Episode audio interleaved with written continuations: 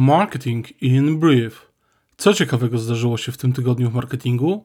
Posłuchaj skrótu. Tydzień w 5 minut. Zapraszam, Paweł Krzemiński in Brief Marketing.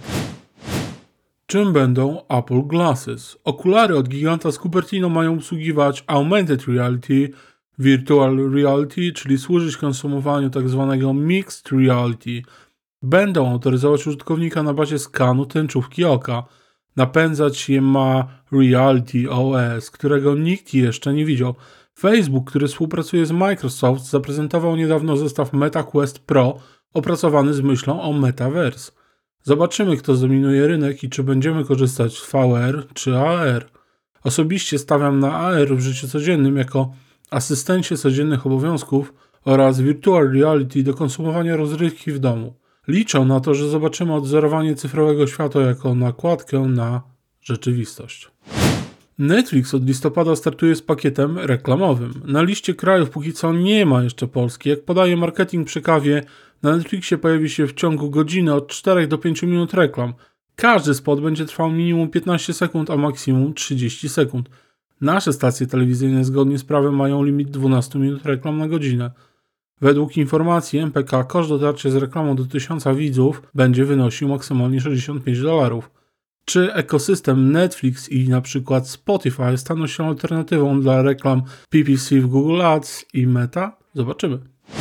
A w temacie platform VOD.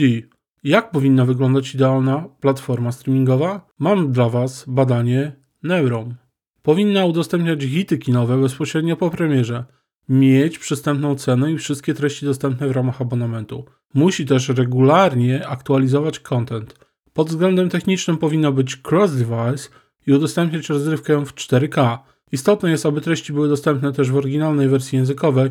Co ciekawe, widzowie chętnie oglądaliby też wydarzenia sportowe poprzez streaming.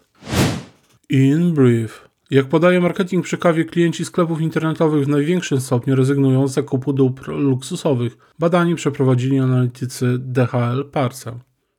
Portal Gizmodo informuje, że TikTok może tworzyć ograniczoną tylko dla dorosłych alternatywę serwisu OnlyFans. News wypatrzyłem w newsletterze Green Letter. Jak podaje serwis Spiders Web, miesięczna cena usługi Starlink będzie wynosiła prawie 350 zł. Starlink to substytut dla połączeń LTE od operatorów mobilnych i internetu radiowego. Nowy marketing informuje, że Computronic wprowadza możliwość płacenia za zakupy biometrycznie skanem tęczówki oka. Jak podaje newsletter w minutę, content marketing kosztuje nawet 60% mniej niż tradycyjne metody marketingowe. Jednocześnie generuje 3 razy więcej leadów. Czy sztuczna inteligencja będzie generowała półautomatyczny content? Firma Jasper pozyskała grubo ponad 100 milionów dolarów przy niebagatelnej wycenie 1,5 miliarda. Biznes ruszył zaledwie rok temu, w tym czasie przejęła startup AI Outright, oferujący rozwiązania do sprawdzania poprawności językowej. Można przyjąć, że rynek narzędzi do tworzenia kontentu dopiero startuje i będzie się rozwijał. News wypatrzyłem w newsletterze Green Letter. Co charakteryzuje słuchaczy podcastów? Jak podaje serwis Ad Exchanger, słuchacze podcastów to zazwyczaj osoby lepiej wyedukowane, z zarobkami powyżej średniej i żyjące w gospodarstwach domowych, gdzie dochód osiągają co najmniej dwie osoby. Są wymagający i wybredni, jeżeli chodzi o serwowany content. News odnalazłem dzięki pracy researcherów Green Parrot.